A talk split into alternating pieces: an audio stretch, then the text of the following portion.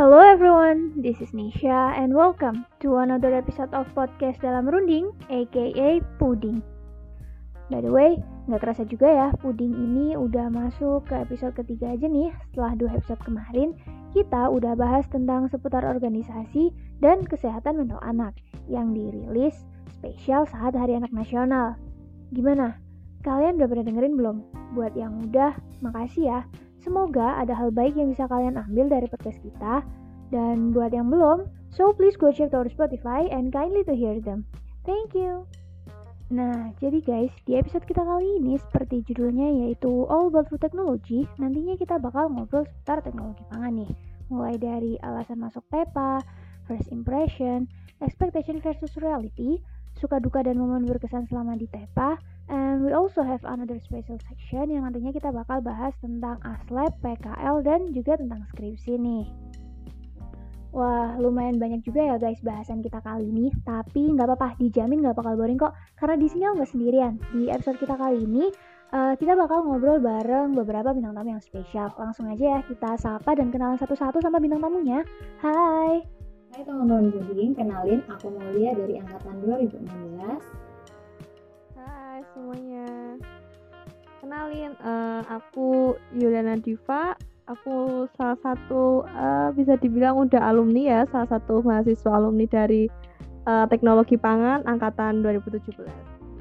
Halo semuanya, kenalin aku Seven Putra Diapri, biasa dipanggil Vian dari angkatan 2018 Teknologi Pangan UPN Veteran Jawa Timur. Halo, kenalin aku Abidah dari angkatan 2019. Halo teman-teman semuanya, kenalin nama aku Novian, biasa dipanggil Nov, Novi atau Vian gitu. Aku dari angkatan 2020 nih, asalnya dari Bogor gitu.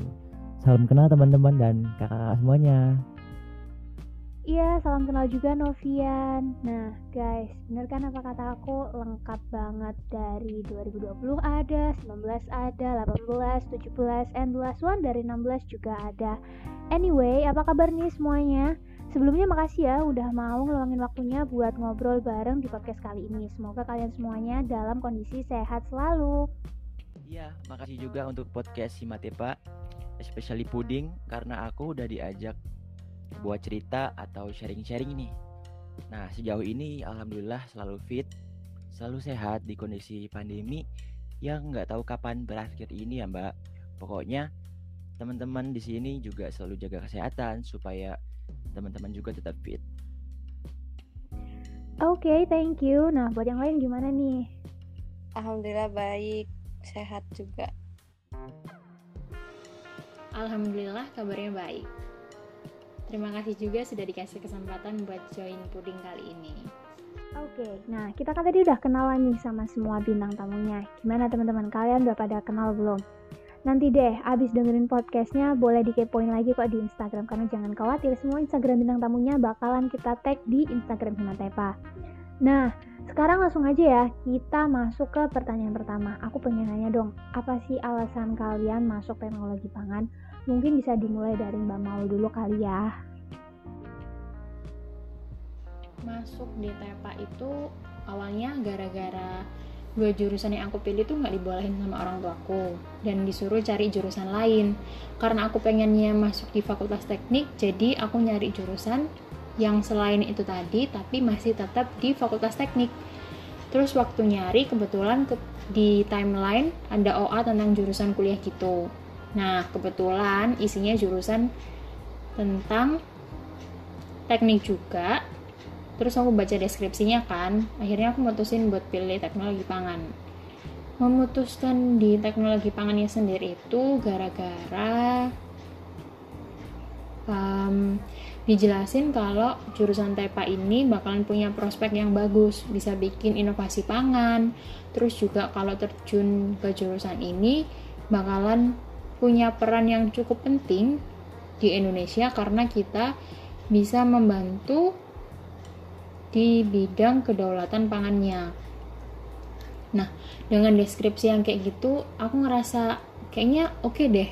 Ya udah aku ambil ini dan mungkin waktu kuliah besok aku bakal bisa ngelakuin pengabdian ke masyarakat, terus habis itu bikin inovasi pangan yang enak sama sehat juga. Nah, ketika inovasi pangannya udah jadi, terus ketika ada musibah atau bencana alam, kan bisa tuh kasih makanan dari inovasi itu tadi. Jadi makanan itu nggak melulu mie instan dan juga di tahun itu seingatku ada bencana gizi buruk kalau nggak salah ya seingatku itu jadi akhirnya membuat hatiku lebih mantap untuk masuk di teknologi pangan karena ya itu tadi sih aku mikir kayak aku bisa deh bantu orang-orang di luar sana biar dapat makanan yang bergizi, makanan yang sehat, makanan yang layak. Jadi untuk gizi buruk dan juga bencana yang lainnya mungkin bisalah aman deh kayaknya kalau banyak orang yang sadar tentang pentingnya pangan dan juga inovasinya kayak gitu. Kalau aku sendiri karena emang uh, pengen masuk ke Fakultas Teknik dan kebetulan di UPN itu ada jurusan teknologi pangan yang aku ngerasa mampu buat terjun ke sana dan akhirnya aku daftar.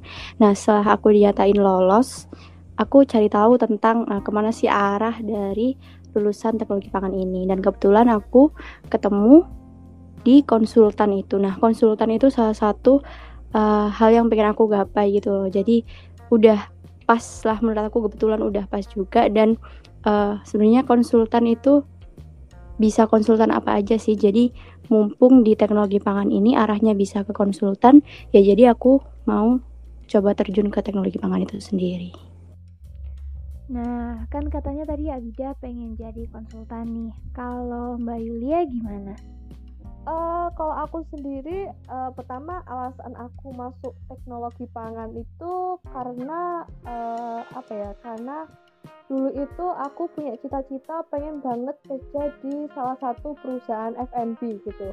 Terutama aku tuh dulu punya cita-cita aku pengen banget kerja di Nestle gitu. Nah, terus uh, dari berbagai informasi juga dulu waktu di SMA uh, apa ya kayak dikasih tahu kalau pengen masuk di perusahaan F&B ya salah satunya kamu bisa jadi uh, masuk ke jurusan teknologi pangan ini gitu. Nah pikirku dulu teknologi pangan itu kan uh, kayak sebidang tentang uh, tentang gizi ataupun seputar tentang pangan gitu. Jadi aku tertarik banget dulu itu pengen masuk ke jurusan teknologi pangan. Nah kalau uh, apa ya pengennya setelah aku lulus kuliah ini uh, ya basic sih kalau uh, lulusan dari jurusan teknologi pangan itu uh, pasti pengennya jadi QC ataupun R&D yaitu on, research and development gitu. Uh, Oke okay, lanjut ya. Kalau tadi aku udah nanya tentang alasan, sekarang aku pengen nanya lagi nih. Gimana sih first impression kalian atau gimana ya? Boleh deh diceritain sama ekspektasinya juga. Apa sih yang kalian pikirin sebelum masuk TEPA sama uh, realita yang kalian rasain setelah masuk TEPA itu gimana aja sih? Uh, first impressionnya yang kalau first impressionnya pertama kali masuk TEPA itu uh, pikirnya itu tentang seputar tentang apa ya seputar tentang uh, kebanyakan tentang gizi gitu kali ya dulu awalnya aku mikirnya karena uh, pangan gitu pasti berhubungan sama sesuatu yang dikonsumsi berarti berhubungan sama gizi-gizi gitu nggak ada hitung-hitungannya kayak gitu. Uh, terus uh, apa nggak ada kayak fisika ataupun matematika yang itu kayak kalkulus gitu gitu pikirnya awalnya kayak gitu.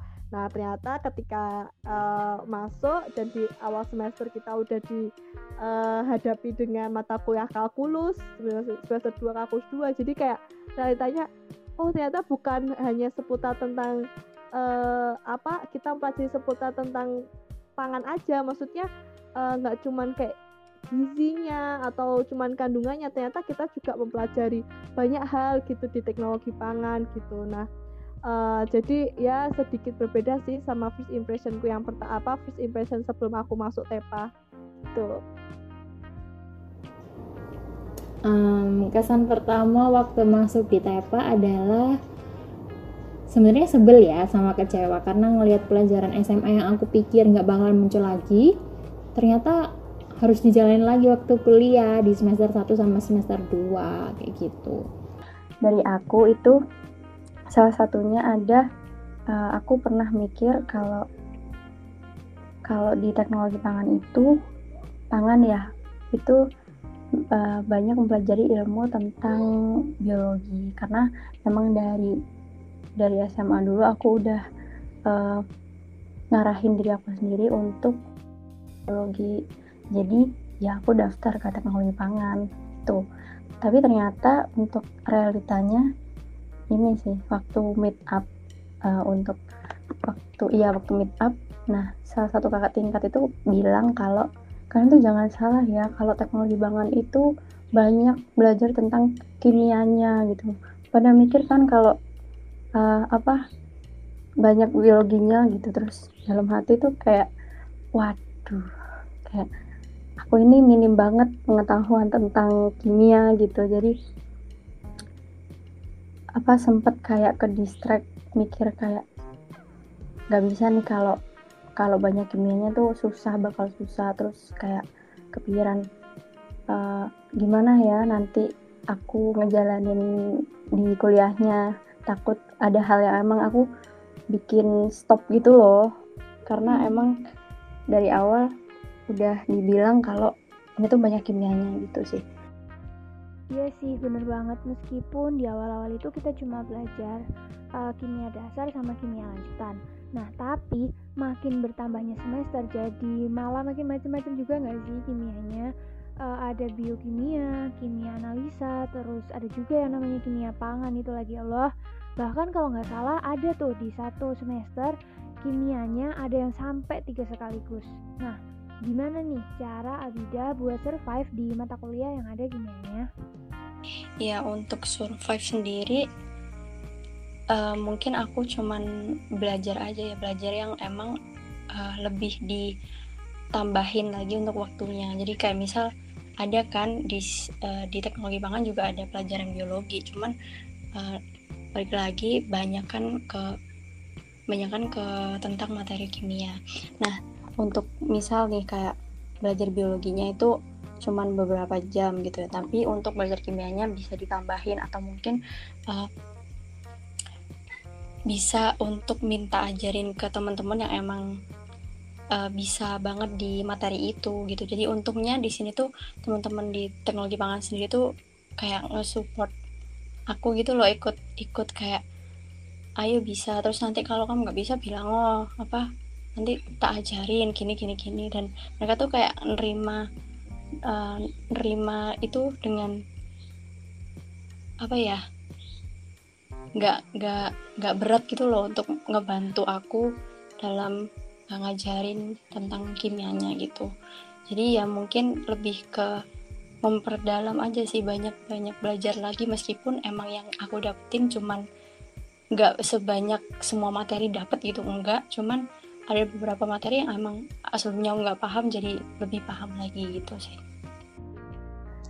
Nah, kalau tadi kata yang cewek-cewek mostly tentang mata kuliahnya ya, first impressionnya. Nah, sekarang gantian dong yang cowok, gimana nih? Apa masih tentang mata kuliah atau ada hal yang lain? First impression aku pertama kali di pangan aku mikirnya uh, kita cuma masak-masak aja, tapi ternyata realitanya kita jadi tahu kalau kita nggak hanya memasak sesuatu tapi di dalam proses pemasakan itu ada reaksi-reaksi yang terjadi. Nah itu yang kita pelajari. Itu sih yang aku eh, tahu realitanya setelah terjun ke dunia teknologi pangan ternyata masak itu nggak se sederhana itu.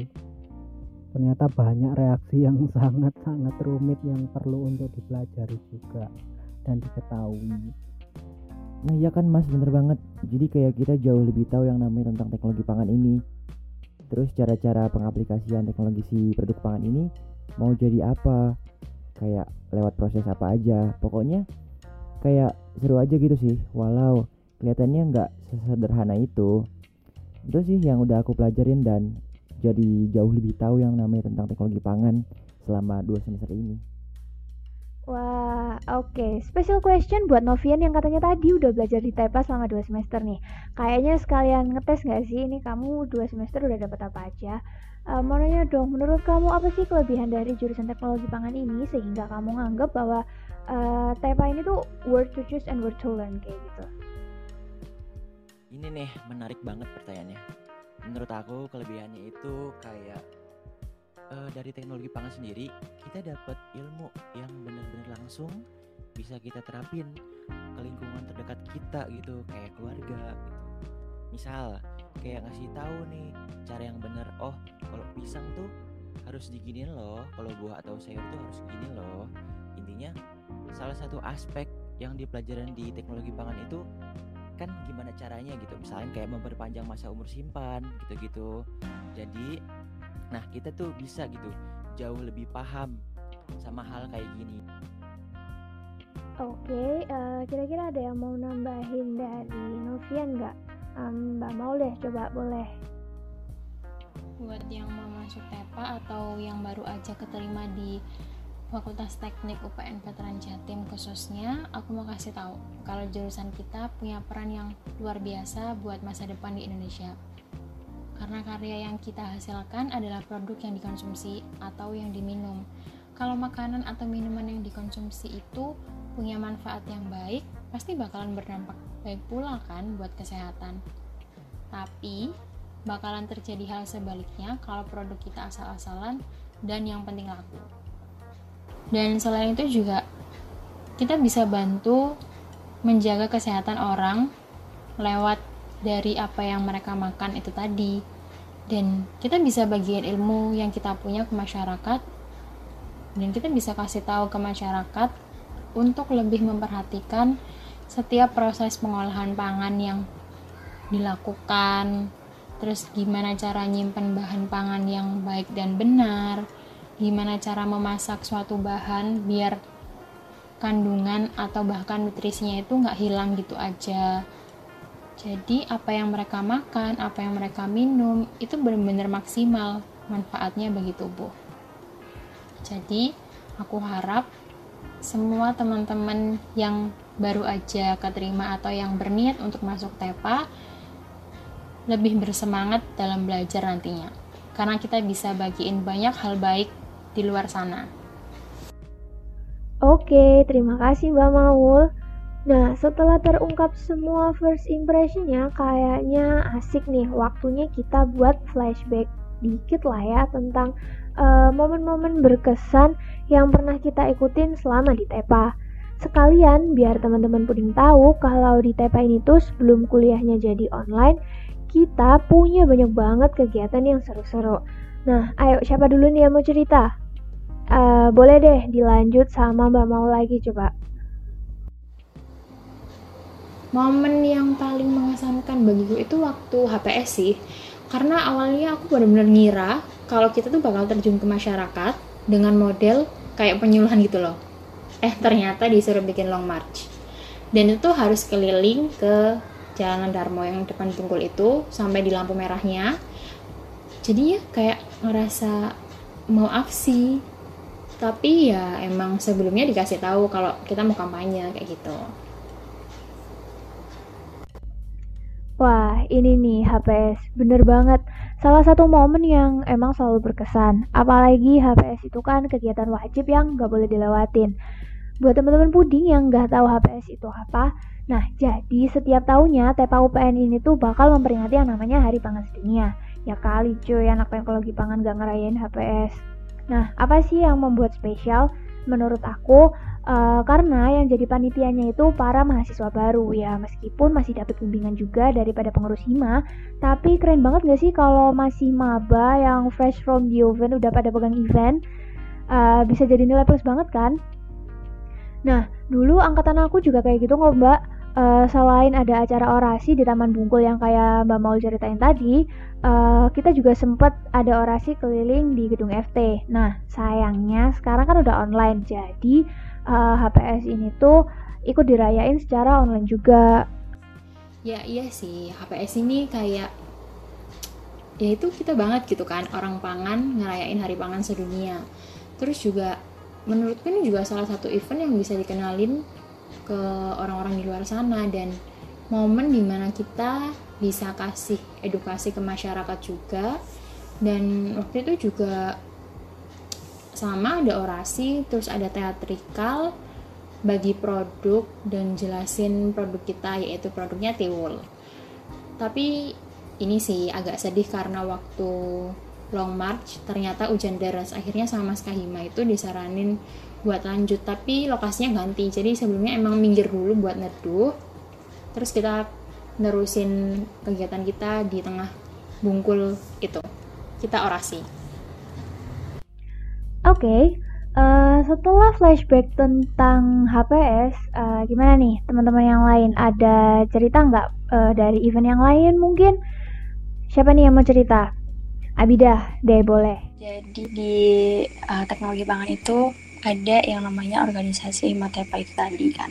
Nah di situ uh, waktu awal jadi maba, dulu aku sempat ikut uh, kepanitiaan uh, disnatalis yang emang diadain uh, Himatepa sendiri. Nah, untuk disnatalis sendiri itu apa sih? Kalau disnatalis itu uh, kegiatannya emang selalu dia, dia, diadain setiap tahunnya untuk uh, memperingati hari jadi teknologi pangan sendiri. Jadi di situ tuh isinya seneng-seneng sih. Jadi kayak nge-refresh otak kayak emang kita harus eh yang kita sebelumnya belajar belajar belajar nah di, di, di Natalis ini kita uh, lagi senang-senangnya karena besoknya itu harus belajar lagi itulah istilahnya jadi kayak jeda dari belajar ke belajar lagi terus waktu itu aku uh, di di Disnatalis sendiri masuk ke divisi humas. Nah di sana kayak apa ya itu uh, itu waktu masih offline ya. Jadi aku di ikut Disnatalis itu dua kali. Yang pertama offline yang kedua online. Nah yang offline ini bener-bener kayak di situ tempat kita kumpul bareng sama semua angkatan dosen bahkan alumni yang emang lama nggak kita jumpa yang aku nggak tahu uh, kumpul jadi satu di situ. Jadi di situ kayak ada uh, di situ kayak ada mungkin acara lomba-lomba terus ada acara uh, panggung pensi gitu ya. Terus ya itu sih kumpul-kumpulnya itu yang bikin uh, apa? Kumpul di malam puncak itu kan ya? Kumpul-kumpul di malam puncak itu yang bikin seru yang bikin nggak bisa lupa. Karena itu pertama kali aku tahu uh, semua warga teknologi pangan gitu sih Nah, kalau Abida tadi kan katanya punya pengalaman ikut kepanitiaan waktu di Natalis ya. Kalau Mas Fian gimana? Aku pengen tahu dong Disnatalis waktu zamannya Mas Fian itu kayak gimana sih? Kalau nggak salah waktu itu masih offline juga kan ya? Uh, ini mau tanya dulu nih ke Nesya yang Disnatalis waktu aku jadi panitia atau waktu aku pas sudah jadi PSDM? Widih, banyak juga ya pengalamannya. Gak apa-apa deh diceritain aja dua-duanya. Oke, kalau gitu kalau waktu aku jadi ketupel itu di Natalis waktu itu kita ngadain di uh, gedung rektorat waktu itu kan ada gedung hmm. serbaguna di situ nah di sana tema kita uh, dress code pakai jaket jeans atau jeans levis dan sebagainya gitu sih. Terus kalau waktu yang uh, di Natalis waktu aku jadi PSDM itu uh, tema kita coklat kalau nggak salah. Uh, bukan coklat temanya. Apa sih kalau nggak salah waktu itu?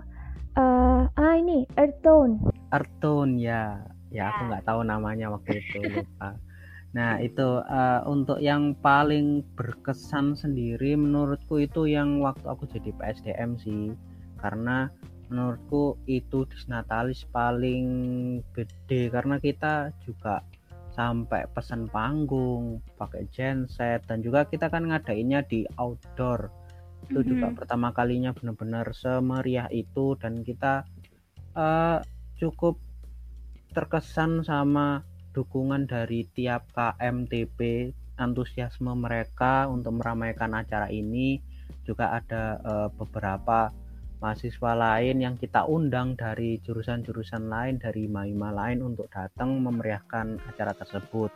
Juga kita lihat kebahagiaan kayak contohnya dari angkatanku sendiri kan waktu itu juga uh, penyerahan hadiah. Melihat mereka joget-joget mereka ya itu apa ya memberikan kesan tersendiri. Juga kalau misalkan yang lainnya untuk yang waktu itu juga aku perlu sampai belajar jadi soundman akhirnya nggak sempat waktu buat ikut gabung sama teman-teman yang lainnya karena harus pegang sound. Ya kayak gitu itu cukup berkesan sekali buat aku kalau disnatalis pada waktu itu. Uh, iya emang seseru itu sih disnatkan apalagi di malam puncaknya ya semoga aja deh segera balik offline lagi ya biar sama-sama bisa ngerasain HPS sama disnat offline lagi oke? Okay?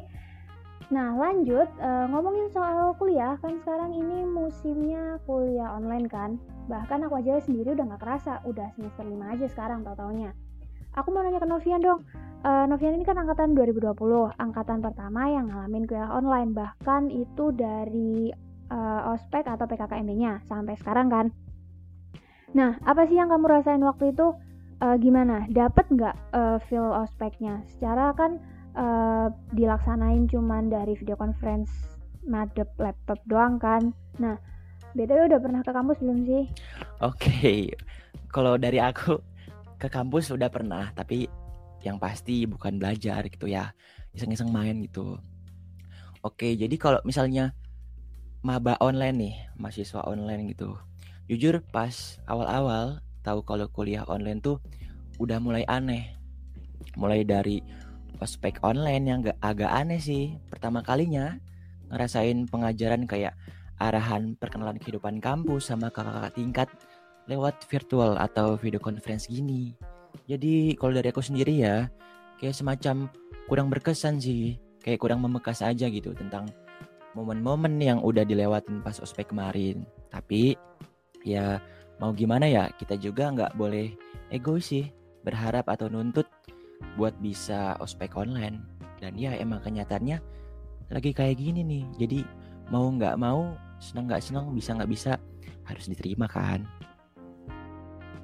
Eh, nggak uh, jauh beda dari Novian. Sebenarnya aku sama Abida juga bisa dibilang mahasiswa online juga nggak sih? Uh, ya meskipun agak sedikit lebih beruntung karena pernah ngerasain yang namanya kuliah offline meskipun nggak lama-lama banget kita dulu berapa sih nggak sampai dua semester juga kan kuliah offline-nya Nah, yang pengen aku tanyain, uh, perbedaan apa aja sih yang Abida rasain dari kuliah offline ke kuliah online? Ya jelas beda banget sih kalau masalah offline ke online. Kalau yang lebih beda uh, apa ya hal yang emang beda banget itu pertama kalau kita lagi uh, kalau aku dulu waktu offline kita offline ya itu untuk persiapan dari uh, kita mulai belajar ke kampus ke kuliah itu harus disiapin benar-benar harus siap gitu. Kayak misal uh, dari pagi kita udah nyiapin ke, ke, kebutuhan yang emang harus kita bawa ke kampus. Terus kayak baju-baju uh, yang emang apa nih baju yang mau dipakai gitu kan Nah ya bener banget tuh. Kalau dari segi persiapan emang lebih riuh waktu offline sih. Terus dandan yang cantik, yang rapi, wangi yang pokoknya siap banget deh pokoknya. Tapi kalau di offline eh online sendiri itu mungkin persiapannya nggak serinci nggak sedetail yang waktu offline. Karena uh, kalau di online sendiri kan mungkin ya. Kalau aku sendiri ini sih cuman gosok gigi terus cuci muka terus baru uh, buka buka laptop join meet udah gitu doang karena emang uh, ketemunya nggak secara langsung jadi aku pikirnya kayak ya udah kita cuman ketemu di layar gitu. Nah, selain dari segi persiapan, uh, ada hal lain gak sih yang kamu rasain gitu perbedaannya? Jadi, kalau online itu, jadi kalau online itu kita lebih ke ngerjain tugas uh, sendiri tanpa ditemenin sama teman-teman yang lain. Jadi, apa kayak ditumpuk, ditimpuk tugas A, B, C, D, belum lagi tugas mungkin uh, kalau yang ikut organisasi ya rapat hmm. atau yang lain jadi kayak ya, langsung jadi satu terus keadaan kita sendiri jadi kayak kebeban sendiri gitu lebih lebih kerasa banget bebannya Nah, bener banget. Aku juga ngerasain hal yang sama kok. Dulu waktu offline kan, kalau habis pulang ngampus biasanya mampir ke kosan temen dulu, atau cari makan bareng, terus bercerita, berkeluh, dan kesah ngeluarin semua capeknya sama-sama terus akhirnya baru deh kita bisa bareng-bareng buat nugas atau belajar lagi gitu kan jadi rasanya beban ini tuh nggak terlalu banyak-banyak banget Nah, terus nih gimana sih caranya Abida buat adaptasi dari kuliah offline ke kuliah online? Uh, sama boleh deh kalau misalkan ada tips and tricksnya dibagiin ke kita juga dong. Jadi untuk adaptasi sendiri itu nggak ada hal yang emang aku kasih buat tips gitu ya. Jadi adaptasi itu kan menyesuaikan diri dari suasana yang sebelumnya ke suasana yang baru. Jadi mungkin uh, bisa dijalanin aja dijalanin apa adanya dijalanin ikhlas dijalanin sabar apa yang emang ada di kenyataan kita sekarang ini gitu terus untuk mungkin ada hal beberapa hal yang emang berbeda uh, dari yang sebelumnya kita belum jalanin sekarang harus kita jalanin. Dan untuk online sendiri ini kan kebanyakan uh, belajar melalui uh, virtual ya. Jadi kayak hmm. mungkin harus memperbanyak uh, pengetahuan tentang iptek sih itu penting. Karena uh, dari aku sendiri emang pengetahuan iptekku sendiri itu nggak seberapa menguasai.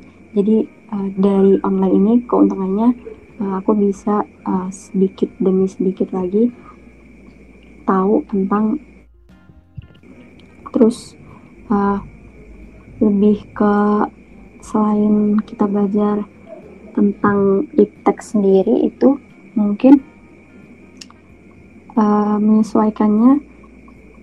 Kalau misal kita lagi uh, terima materi sama tugas gitu ya jadi ya suasananya yang emang berbeda banget. Jadi harus pelan-pelan harus sabar dan uh, kayak ya dijalanin aja apa adanya gitu karena emang kita nggak bisa uh, nyalahin takdir juga kalau emang adanya kayak gini Wah, nggak kerasa ya, kita udah ngobrol banyak nih dari tadi. Udah panjang banget juga kan.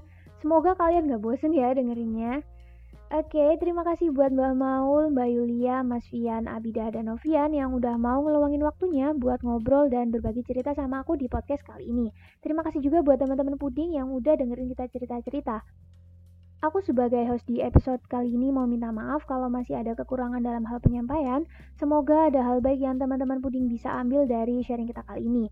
Jangan lupa tungguin part 2 dari episode ini. Masih sama aku dengan tema yang sama yaitu All About Food Technology. Di part 2 nanti kita bakal bahas tentang Aslab sama Mbak Maul, PKL sama Mas Wian, dan juga tentang skripsi sama Mbak Yulia. So stay tuned!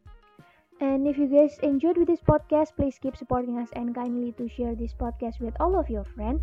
Dan kalau kalian mau berbagi cerita atau pengalaman selama di TEPA bisa banget. Langsung aja masukin komentar kalian di Instagram at HimatepaUPN karena announcement podcast ini nantinya juga bakal dirilis di feeds Instagram Himatepa. And the last from me, see you next time with another episode of Pudding. Thank you!